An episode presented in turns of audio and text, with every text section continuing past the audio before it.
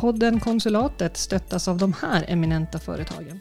Revisionsbyrån Advice, Samhällsbyggaren BDX, Fastighetsbolaget Galären, Handelsbanken, Norrmedia, Hotell Savoy och kommunikationsbyrån Yours.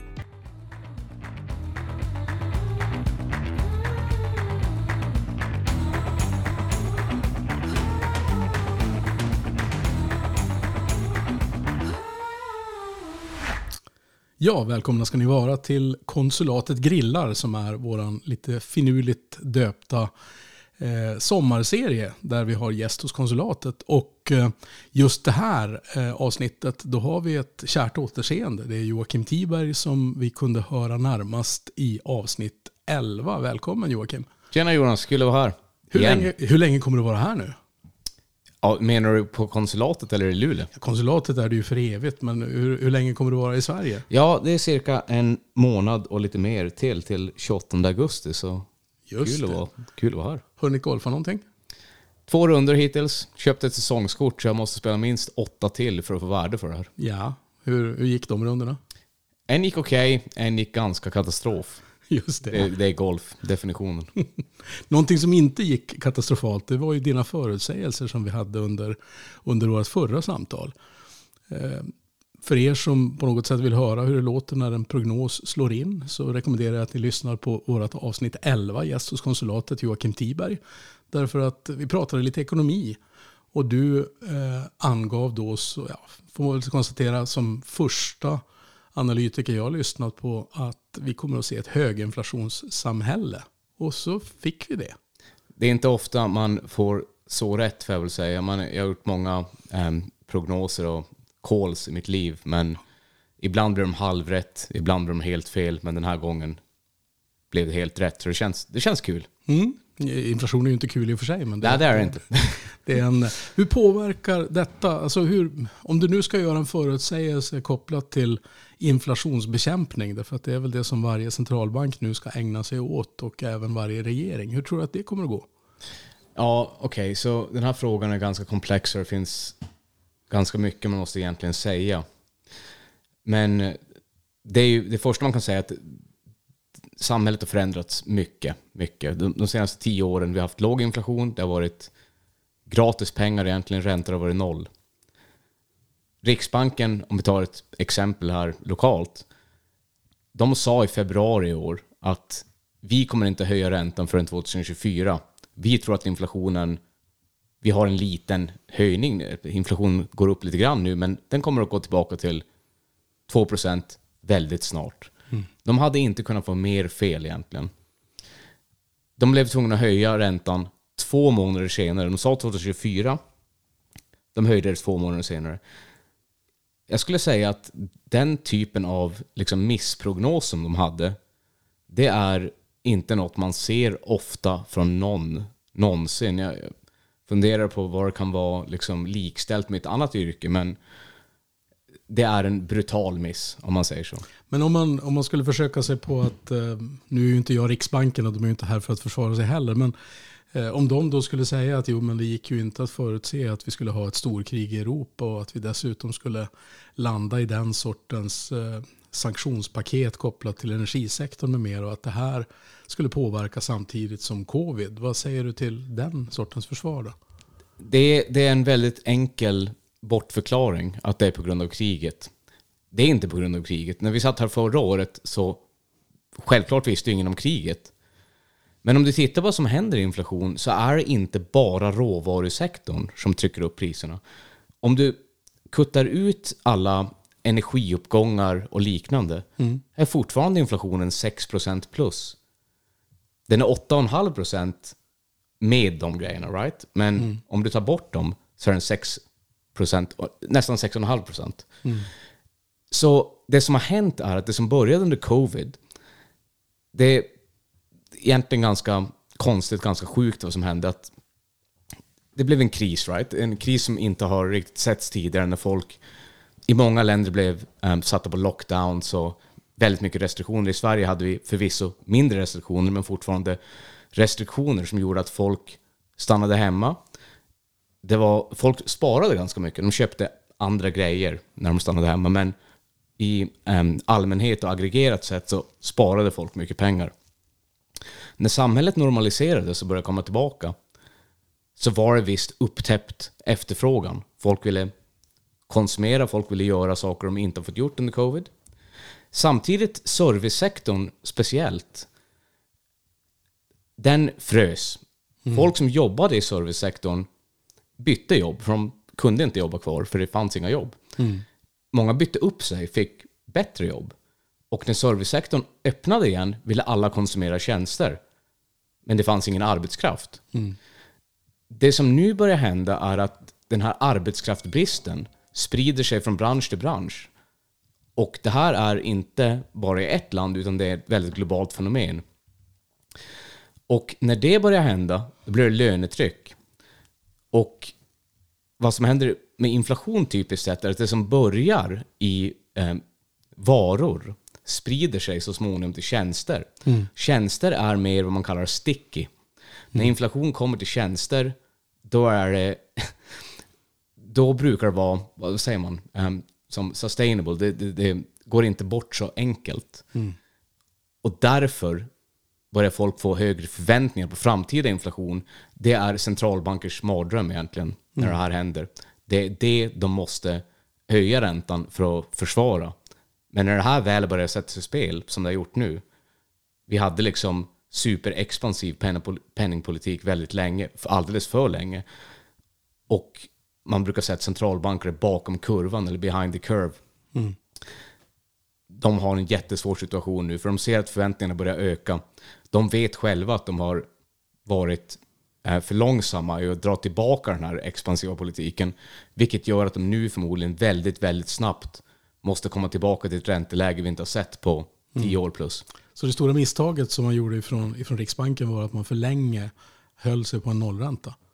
Precis. Eh, Liksom, du vet, covid hände, det var en situation som var helt unik. Right? Så det är helt rätt att vad de gjorde under krisen. För de, det var ju en kris och ingen visste vad som skulle ske. Det, det såg ut som att världen skulle liksom sluta där ett kort tag med det här viruset. Men de höll den här politiken i nästan, nästan två år. Hur lång var krisen? Hur, hur lång var krisen i dina ögon i Sverige? Ska vi säga sex månader? Nej, nu var den ju längre än, än så. Det tror jag nog i, i känslan av, att, eh, av, att man, av osäkerhet och att man inte, man inte riktigt visste förstås. Men från en ekonomisk synpunkt så var det nog ungefär sex månader. Sen bounceade samhället tillbaka väldigt starkt. Ja, det är sant. Alltså det, vi, vi kunde se i början på 20, eh, alltså när, när covid slog 2020 och eh, då såg man ju att varsel om uppsägningar och konkurser ökade en, en ganska kraftfull bit men det avtog snabbt. Exakt. Och det, det jag säger är bara att liksom man har en krispolitik för en kris. Men man kan inte ha en krispolitik ett och ett halvt år efter krisen har kommit tillbaka. Det är inte så konstigt. Men jag, jag kritiserar egentligen inte Riksbanken vet, specifikt. Det här är en global grej, right? Men Riksbanken var fortfarande, och de såg tecken från alla andra länder där samma sak hände. Men på något sätt har det varit den här asymmetrin att när saker går dåligt, då ska vi köra mega expansion, eh, expan, expansiv politik, penningpolitik. Men när det går bra, nej, då vill man inte dra tillbaka det riktigt. Och det är nu vi betalar nästan konsekvensen av det skulle jag säga. Så det, det är inget fel att kritisera Riksbanken. Jag tycker fler borde göra det. Jag tycker det här borde vara en öppen debatt. Och det är det tyvärr inte. Men om man, om man då skulle titta på, eh, alltså det, penningpolitiken är ju förstås en viktig del av, av hur det går för, för ett land. Men finanspolitiken eh, är ju, får man väl ändå säga, än viktigare. Och, Ja. och där ser du några tecken på att det har funnits någon krismedvetenhet ifrån, ifrån de politiska partierna då när du tittar på det? Ja, om man jämför... ehm, alla länder fick väldigt mycket... Och det är det här som gör covid väldigt speciellt och annorlunda från tidigare liksom, lågkonjunkturer, om vi ska kalla det det. Alla länder gjorde väldigt stora ehm, finanspolitiska stimulanspaket. Sverige faktiskt inte så mycket. Men å andra sidan, Sverige hade ju inte så jättehårda lockdowns och restriktioner och liknande. Sverige, om man eh, rankar du globalt så är Sverige ett av de minst stimulativa länderna finanspolitiskt sett under covid. Men eh, vad kan man säga liksom, du vet om du är en regering som stänger ner exempelvis mycket av servicesektorn. Det är ju inte mer än rätt att du ska kompenseras för det. det ju, jag har mycket personliga åsikter om hur man liksom dealade med covid i, i, i världen i allmänhet och i Sverige. Men jag, jag, jag, jag tycker det är det minsta de kan göra. Liksom. Men då är det här med vet, hur finanspolitik och penningpolitik fungerar tillsammans. Och speciellt sett penningpolitikens sida, givet att finanspolitiken var så expansiv, det är bara ännu en anledning att de borde ha dragit tillbaka penningpolitiken mycket, mycket, mycket tidigare än vad de gjorde. Ja, men en, en sån eh, konsekvens vi kan se just nu om vi nu tittar på bara valutakurser. Om någon skulle vilja prova att åka utomlands till USA så, så är ju dollarn idag uppe över 10 kronor. Eh, dollarn är dyrare än euron. I, i, I vissa dagar har jag, väl, har jag väl kunnat konstatera att åtminstone nästan lika dyr.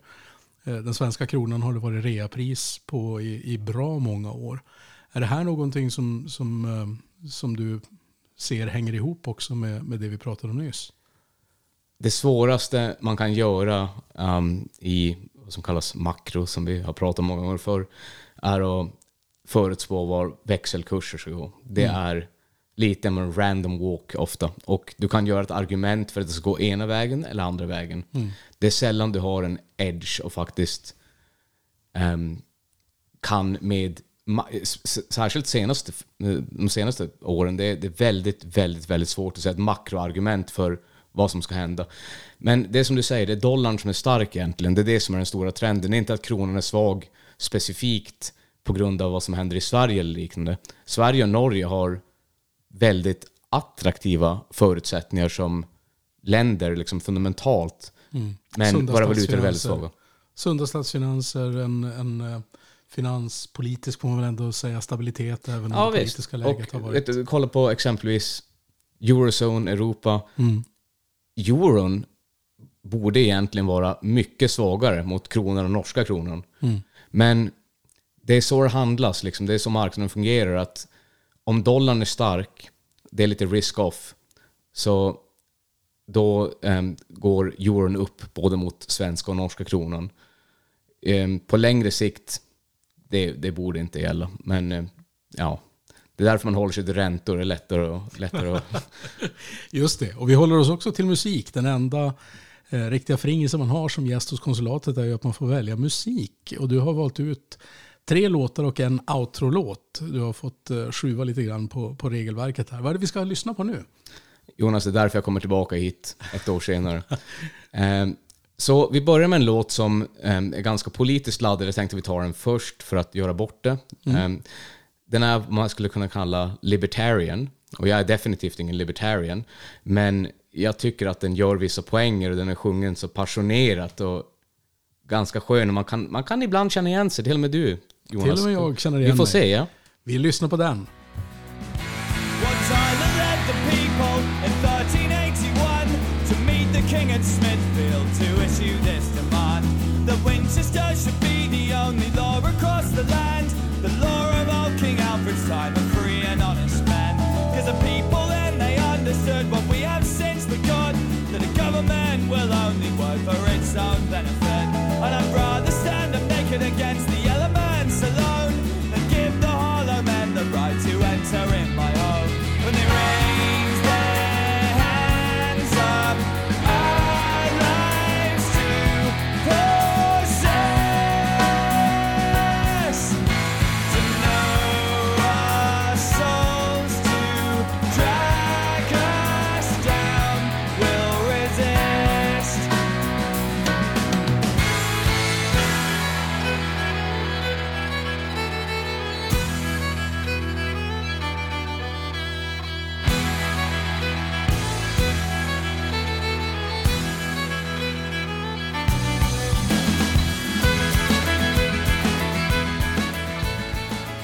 Perfekt. Vad var det vi hörde för någonting? Vad var det för artist?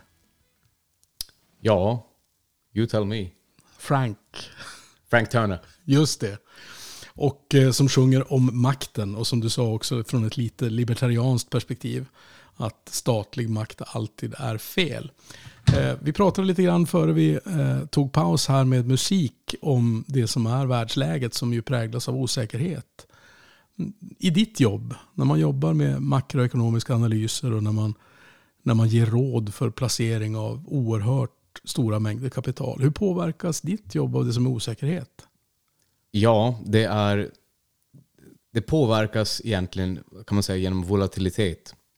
Marknaden, Alltså häftiga svängningar. häftiga svängningar i marknaden. Och det finns ofta... När det är osäkert så det- Folk vet inte exakt hur man ska placera. Det är, det är kortsiktiga trender som gäller. Det går mycket pengar på en sida, mycket pengar på den andra sidan.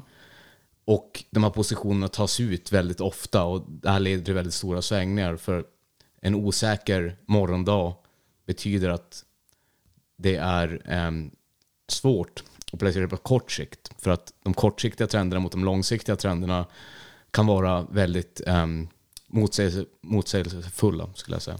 Men betyder det här att det blir mer dramatik på jobbet? Du kommer in en dag och så vet du inte alls vad det är som ska hända när du tidigare kunde ha en, en viss uppfattning. Ja, det kan man säga. Och ehm, en annan grej är att det som kallas likviditet i marknaden är väldigt dålig. Att det finns Det betyder alltså att eh, människor och institutioner är obenägna att spendera pengar, köpa och sälja.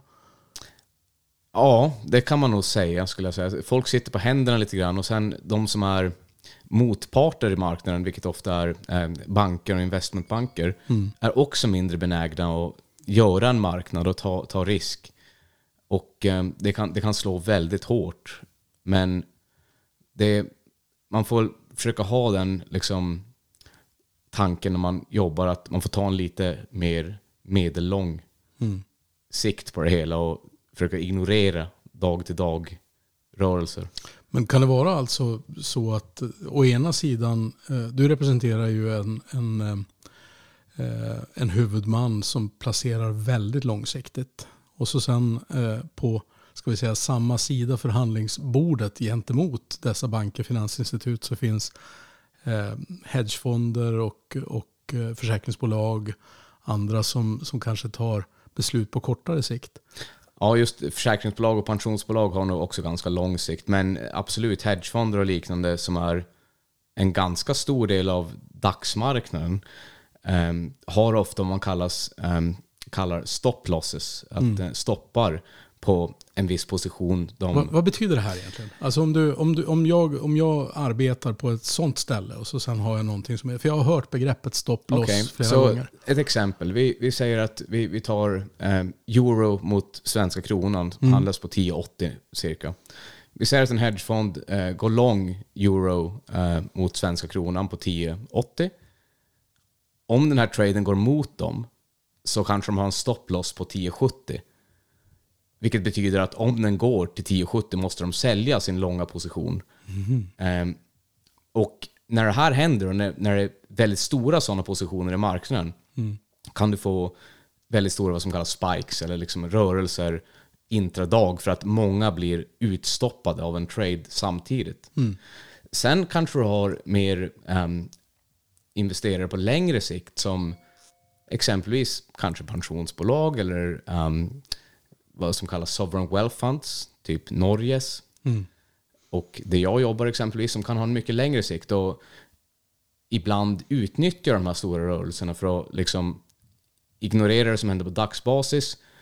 Kanske um, man säger, benefit fr- från det. Att det, det blir ett, en, em, en möjlighet att faktiskt komma in i positioner och tack vare eller på grund av dessa stora rörelser som man kan hålla på längre sikt och bara vänta tills det funkar ungefär. Så att eh, om läget är på det här sättet då är det roligast att jobba på ett ställe som, som du jobbar på. Ja och nej, ta- men det, det är mycket, du vet, det, när man förvaltar en portfölj och du får ju rapporter på en daglig basis om hur portföljen går och ehm, självklart mäts vi mot hur portföljen går. Men det, det gäller att ha den ska man säga, mentala styrkan lite grann och bortse från det här ibland när det går dåligt. För om du är nog confident att du har rätt på längre sikt då spelar det inte roll, någon roll vad, hur det går idag, en vecka. Det handlar om månader och år snarare. Men hur känns det när man, när man så att säga, rekommenderar en, en position där du vet att en stor mängd av, av de alternativa aktörerna skulle gå förlorade i en stopploss? Eh, Får man lite fjärilar i magen då och vet någonstans att "Åh, hoppas jag har rätt nu eller?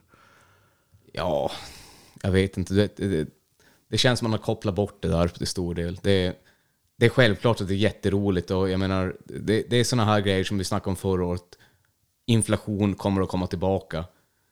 Och sen hur bygger man en position runt det? Hur, om, om det här är en stark åsikt som du har, vilket det var för mig. ehm,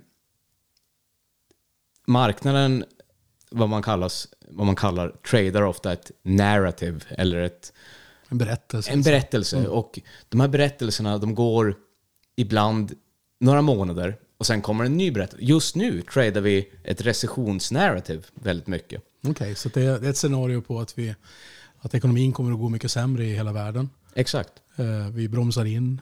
Vad, vad, vad betyder det då för... för eh, Så det är det här som är det svåra, right? För att ja. Jag håller delvis med om det här narrativet, men Ja. samtidigt marknaden har tagit ut det enligt mig alldeles för tidigt. För ma- kolla på exempelvis um, hur arbetslösheten ser ut. mm, den finns inte i Sverige. Den finns inte någonstans. Det finns ingen. Du har aldrig haft en recession med rekordlåg arbetslöshet. Det kan inte, ja, kan och kan, men extremt svårt att bli recession om arbetsmarknaden ser ut så här. Och det här tar tid. Det tar tid. Och det är bara det att marknaden har prisat en recession, tror jag, lite för tidigt. Jag tror dock det kommer att komma. Men och nu är det väldigt liksom, exakt fine balance här, hur man hur, hur det här kommer att spela ut. Right? För att du kommer att få jättemycket räntehöjningar i Sverige och utomlands.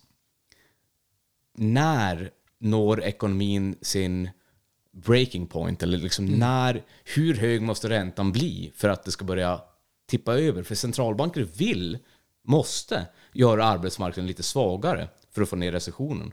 Eh, förlåt, inflationen. Ehm, och det är en stor debatt om kan man lyckas göra vad som kallas en soft landing, en mjuk landning i ekonomin. Jag tror att det kan bli väldigt, väldigt svårt. Men jag tror samtidigt att det kommer att ta mycket längre än vad marknaden tror att, ehm, att kyla ner ekonomin och kyla ner inflationen. Men, men eh, någonting som, som eh, det pratas väldigt mycket om förstås är ju eh, naturligtvis det som är konsekvensen av det, det fruktansvärda angreppskriget på, som Ryssland bedriver mot Ukraina. Eh, och också dess konsekvenser som den, den har på energimarknaden eftersom eh, ja, de som ville vara riktigt elaka med Ryssland sa ju att Ryssland är inte mer än en stor bensinmack beväpnad med kärnvapen. Eh, och någonstans så, så känner man ju av detta nu när Nord Stream eh, är stängt för det de påstår är eh, teknisk service eller, eller annat. Eh, hur, eh, eh, vilken påverkan ser vi på världsekonomin kopplat bara till, till detta med, med energi och, och Ryssland? Ja, man, man kan väl säga att just det som händer på... Liksom, det, det folk känner mest är väl egentligen deras um, bensinräkningar exempelvis. Men även energipriser som går upp i allmänhet eh, relaterat till hus och annat. Det är, ehm, det är, det är ganska... Den senaste månaden så har faktiskt mycket råvarupriser gått tillbaka ner ganska hårt. Och ehm, det, det är klart att det blev mycket liksom kortsiktiga um, implikationer för, för energipriser och liknande på grund av den här invasionen. På längre sikt dock tror jag eh, det, det gäller att inte förlora liksom, bilden av att det här, det här gjorde det värre, självklart. Men det är inte egentligen faktorn som gör att det är mycket högre. Du vet, före den här invasionen började så var exempelvis olja um, hade gått upp ganska stadigt och ganska eh, liksom, konsekvent efter covid. Så det, det, det, den större bilden runt det hela tror jag inte kommer att um, förändras markant um, you know, beroende på vad som händer med här, den här invasionen. Men ehm, även om vi nu får en svårare tid, det som är typiskt händer ehm, i liksom recessionstider är att efterfrågan dör så småningom, råvaror faller väldigt hårt. Men om vi bortser från det och tittar lite längre fram, säg fem år exempelvis, fem år plus. Det har varit underinvesteringar i dessa sektorer en väldigt, väldigt lång tid. Och jag tror att det blir väldigt svårt för råvarupriser att, ehm, att, att, att inte komma tillbaka till dessa nivåer, förmodligen gå ännu högre. Bara på grund av delvis underinvestering, delvis på grund av ett strukturellt skift mot en grönare ekonomi. Ehm, och det, efterfråga, det kommer att efterfrågas och det efterfrågas så sjukt mycket av dessa grejer. Så fundamentalt höga och liksom pågående prisökningar i dessa sektorer kommer att, kommer att kvarstå. Mm. Finns det någon, någon sorts... Eh, Men nu, nu när vi spelar in det här så har Joe Biden precis varit i Mellanöstern. Han har eh, fistbumpat eh, MBS, kronprinsen i, i Saudiarabien. Och det är väl klart att man, man spekulerar om att det han är ute efter är att eh, Saudiarabien ska vrida på stora oljekranen och på så sätt skulle hitta en, vad vi kan kanske kalla en normalisering av det som är oljepriset. Tror du på det? Jag är ingen geopolitiker, Jonas, så det där, det där eh, jag skulle säga att folk som, folk som är oljeanalytiker, det är bara liksom random guesses ofta. Det är inte för att snacka ner på någon. Men, nej, nej, eh, nej, men det är apor som kastar pil. Nej, men eh, jag tror att din analys är lika bra som min på, det, på den frågan. Jag har ingen aning. Just det. Nej, men eh, låt oss ta oss vidare till någonting du har en aning om och det är nästa låt. Vad är det vi ska höra nu? Ja, Vi ska höra Unity. Tack för att du... Tack. Så det här är röyksopp, right? Så röyksopp har varit alltid, alltid för mig ett väldigt um, Ett norskt band. norskt band. Väldigt tidiga på den här elektronikasvängen. Har varit världsledande och gör sin grej. De var borta från många år, tio år tror jag. Just släppt ett nytt album. Lika skönt, lite old school men ja. Det, det, det kunde inte vara större kontrast mot den förra låten. Vi lyssnar på Röyksopp.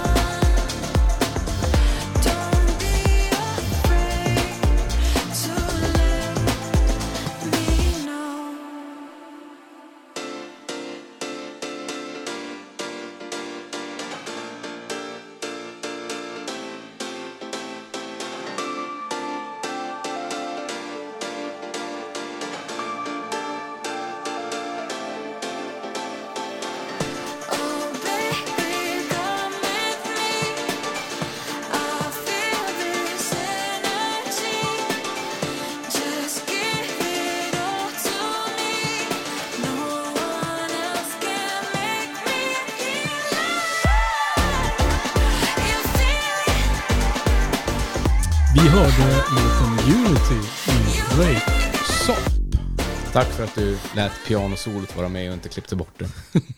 Men det är ju kanske det som var det coolaste i själva låten. Menar. Eh, definitivt. Eh, men om vi nu tittar på det som är konsekvenser av det läge som vi befinner oss i. Vi har en eh, vi har eh, recession som, som huvudscenariot som ni arbetar med. Eh, vi konstaterar att det, vi har fortfarande ingen arbetslöshet och vi har höga räntor. Eh, det som påverkar förstås hushållen i Sverige förutom dyra energipriser, de skiljer sig åt ganska kraftfullt mellan landets olika delar, så är det klart att räntekostnaderna påverkar alla som äger sin bostad. Hur, hur ser det ut egentligen om du tittar på husmarknaden både internationellt och i Sverige? Så det här är en av de mest intressanta aspekterna av framtidsanalys i dagsläget. Just hur husmarksdynamiker eh, kan man säga skiljer sig åt land till land. USA exempelvis, ehm, man brukar prata om deras mortgage rates, men deras mortgage rates är 30-åriga. Alltså deras hypotekslån. De betalar bort dem efter 30 år. Ja, fast de låser räntan på 30 år. Och det är det som är key. De låser räntan på 30 år och kan dessutom låsa om räntan när räntorna går ner. Det här betyder att när räntor går upp, om du har låst på 30 år, då spelar det ingen roll för om räntan går upp. Nästan alla i USA har låst på 30 år. Och de har ju förmodligen låst under väldigt låga räntor. Eh, vilket i sin tur betyder att när Riks, Riksbanken, centralbanker höjer räntan, Fed i USA, och ränto, ma, ränta, marknadsräntor går upp, det har ehm, en långsam impact där och kanske inte så mycket liksom, ehm, impact på just husmarknaden direkt. Det som, det som skiljer kanske är väl att eh, många amerikanska hushåll har eh, eh, så kallade blankokrediter, olika former av kreditkortslån Mm. Det och, och andra delar som påverkas ganska brutalt. Det stämmer. ränteökningar. man kan också säga andra saker, att exempelvis amerikanska hushåll har väldigt stor exponering mot aktiemarknaden. Eh, förmodligen den största i världen. Och liksom typiskt sett brukar man säga, och det var ju sett senaste året exempelvis, att när centralbanker börjar, börjar- höja räntan brukar aktier gå lite svagt. Så det får en kylande effekt på um, konfidens och liksom hur ja, konsumering egentligen i slutändan. Men jag tror att just den här husmarknadskanalen är extremt viktig. Och när man tittar på det här i ett internationellt liksom, perspektiv så kommer det fram att vissa länder är väldigt, väldigt, väldigt känsliga för räntehöjningar. Ett sånt eh, kan vara Sverige kanske? Tyvärr. Sverige och Norge ser enligt mig kanske värst ut nästan. Det finns några andra, liksom Australien, Nya Zeeland, Kanada, för att nämna några. Men Sverige och Norge, och det som är oroande med Sverige är framförallt att hushåll, hushållens skuldsättning har i relation till exempelvis inkomst har gått upp under de senaste liksom, fem åren. Och många andra länder har faktiskt, den har gått ner i många andra länder, vilket man kanske inte tror. Det har varit nollräntor, men i Sverige har det gått upp och det är väldigt, väldigt hög kvot. Och det andra som gör just Sverige och Norge väldigt, väldigt känsliga för det här är att jättestor del av befolkningen är på vad som kallas rörligt. Så vi sa just att i USA låser man in lånen mot 30 år. I Sverige låser man in dem på tre månader. Så varje räntehöjning från Riksbanken slår ut på 75% av bolånen med en tre månaders läg eller en tre månaders fördröjning. Det, du vet, om de höjer 200 punkter inom loppet av nio månader, vilket förmodligen kommer att ske om inte mer. Det- du, tidigt 2023, huspriser kommer att gå ner. Det, det är bara naturligt, pengar blir dyrare. Men jag, jag tror... ja, vi får se när det är break, så att säga. Men jag, jag, är, jag är inte jättepositiv tyvärr till nästa år. En, en annan eh, skillnad kan man väl säga med bostadsmarknaden mellan USA och eh, Sverige är ju att i USA så äger ju en större andel av befolkningen sitt boende medan i Sverige så har vi ju ett stort eh, hyresbestånd. Men de påverkas ju också av räntehöjningar. Visst. Det är på grund av att eh, bostadsbolagen har väldigt mycket skulder. Och du, vet, du ser ju vad som händer liksom i, i den branschen. Om du kollar på SBB, JM och så vidare. och så vidare. De har alla liksom sjunkit brutalt på aktiemarknaden. Och det är just på grund av det här. Det blir dyrare. Delvis, de är ganska vad man kallas, ja, de är skuldbesatta. Right? Och det, de får mycket svårare att låna upp pengar. De, får väl, de blir väldigt bestraffade på marknaden, liksom även på räntemarknaden, kreditmarknaden. Att De, eh, det, det, det, det är inte... Det, liksom, och i slutändan slår det här mot hyror. Nu kan ju någon invända och tänka att eh, jo, men när man, eh, i Sverige så har vi ju kreditprövningar som, som bygger på att man ska ha kvar att leva-kalkyler som bygger på enormt mycket högre räntor än vad som har varit fallet under de senaste åren. Man ska klara av minst, jag tror att det är 4-5 procents högre räntenivåer. Eh, ser du att det här på något sätt eh, räddar ett fall eller vad? Så jag, jag är inte kreditanalytiker, så jag har ingen så mikrosynpunkt på, på det. Och samma sak kan du säga om egentligen alla länder. Eller Australien har samma sak, Kanada samma sak. Kanske. Kanske, men, men, men hur definierar du rädda? Liksom? Det, det är ingen, det är ingen, det är ingen fråga om att efterfrågan kommer att minska allmänt i ekonomin på grund av högre kostnader för hushållen. Det, det är liksom a sure thing.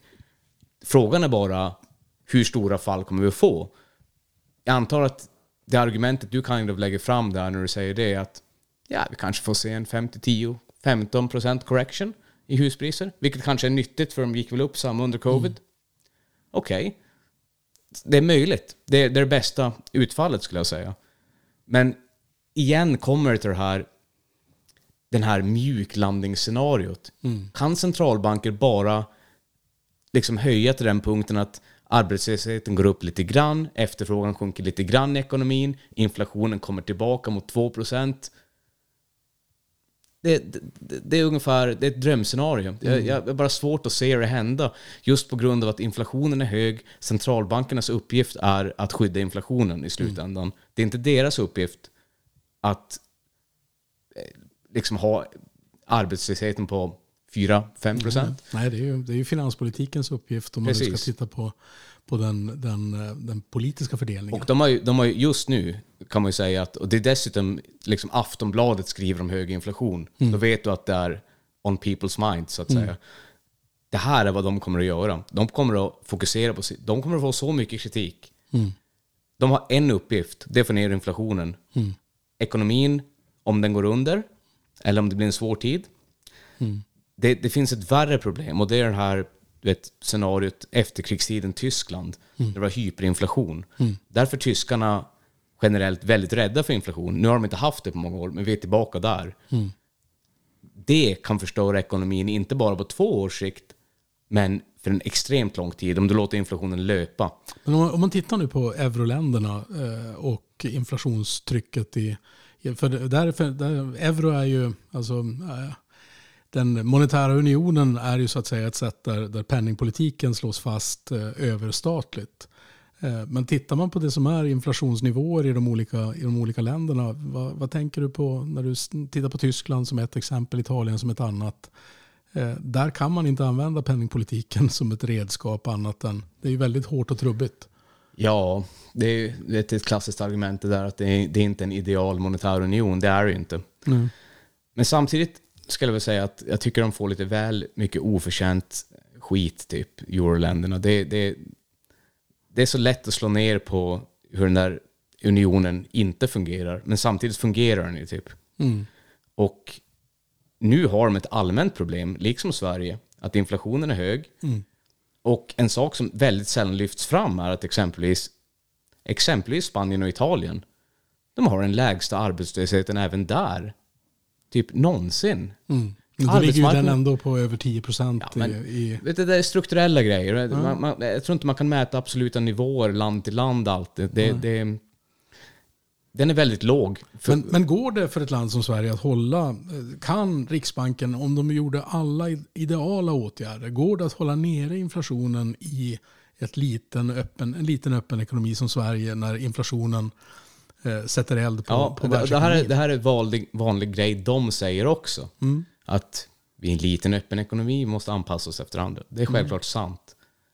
Men de måste ju försöka. Vad är annars deras funktion? Varför har vi en riksbank? Right? Ja, Annars kan vi bara säga att vi, fick, vi peggar den mot ECBs ränta. Eh, Eu- Europeiska centralbanken. Jag, jag tycker att, jag, jag blir lite så här när jag hör det argumentet att okej, men ni sitter ju där. Liksom ni tar era löner, ni är en stor institution. Ni måste ju göra vad ni kan, right? Och om man fortfarande tror på penningpolitik, vilket de gör, så borde de ju själv inse det. Att visst, det, det, det är helt klart ett liksom rättvist argument, men gör vad ni kan, right? Just det. Och nu ska vi höra den tredje och ska vi säga näst sista låten eftersom du har valt ett outro också. Och nu, nu ska vi lyssna på en svensk artist. Och med en, eh, en engelsk låttitel som heter The Linden Trees Are Still In Blossom. Vad är det vi lyssnar på nu? Så där är Jens Lekman. Jag, jag lyssnade. Det det här är vad som kallas en part två av en låt, en, en andra del. Den första delen tror jag släpptes runt 2000, kanske 7, 8. Jag brukar lyssna på den när jag var student. Jättefin låt, jättebra historia och förra året släpptes då den här part 2 och jag kunde inte vara mindre glad liksom och underbar. Fantastiskt. Och efter den låten ska vi direkt höra eh, The Girl from the North Country. Varför ska vi höra den? Jag var nyligen i New York eh, första gången i Nordamerika på 10 år plus och eh, jag gick på en musikal som jag hade velat se före covid. Um, The Girl from North Country, Dylan. Um, och jag hade alltid tänkt se den i London, men det blev aldrig av då. Och jag fick tillfället i New York och jag tycker att det här är kanske den bästa delen av den musikalen. Hela um, soundtracket finns på Spotify och uh, det, var, det var episkt i person, men du vet, det är nästan lika episkt att bara höra Spotify-versionen. Törs du komma med någon förutsägelse om hur det kommer att gå nu året som kommer? Inför nästa års eh, återkomst till konsulatet. Ja, vad pratar vi om? Ja, men hur kommer det att gå nu med inflationsbekämpningen? Jag tror att det kommer att vara ganska... Så, jag ska säga så här. Jag tror att enda sättet, tyvärr, att få ner inflationen runt två igen är att mer eller mindre förstöra ekonomin. Så vi får se nästa år när jag kommer hit om vi är i det scenariot, om ekonomin är förstörd än. Och då pratar vi räntenivåer som är betydligt högre än vad de är idag. Ja, först. Men sen sen, sen, noll igen. Ja. Det, det är så jag ser det. det de kommer att behöva förmodligen ta upp till 2,5 procent. Sen handlar det om när, när efterfrågan dör. Vi kommer gå tillbaka till 0 procent. Det är väl nu man får säga, jag hoppas verkligen att du har fel Joakim Tiberg. Tack för att du kom till konsulatet. Vi ses om ett år. Att vi gör. In high school, I briefly studied German. They told us a German class was searching for pen pals to exchange languages. The teacher left a letter on my desk. It had a drawing of Pee Wee Herman. And that's all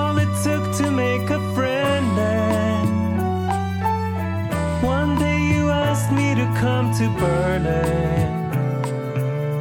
I've told that story more times than I can count.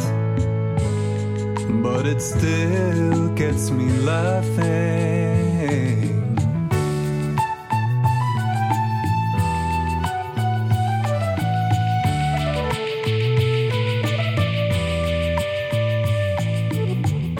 Someone asked if I'd made you up.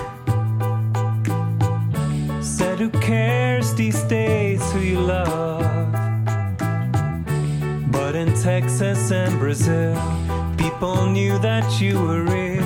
It seemed the story played out rough. And this was 10 years before Orlando. This was 13 years before Tronimo. Before the Russian gay laws, before Viktor Orban put his paws on the colors of the rainbow. Sometimes I think about your father, how he turned 180 soon after. I hope you've been able to reconcile. It must be hard, but I know you tried. If you see him, please say hi.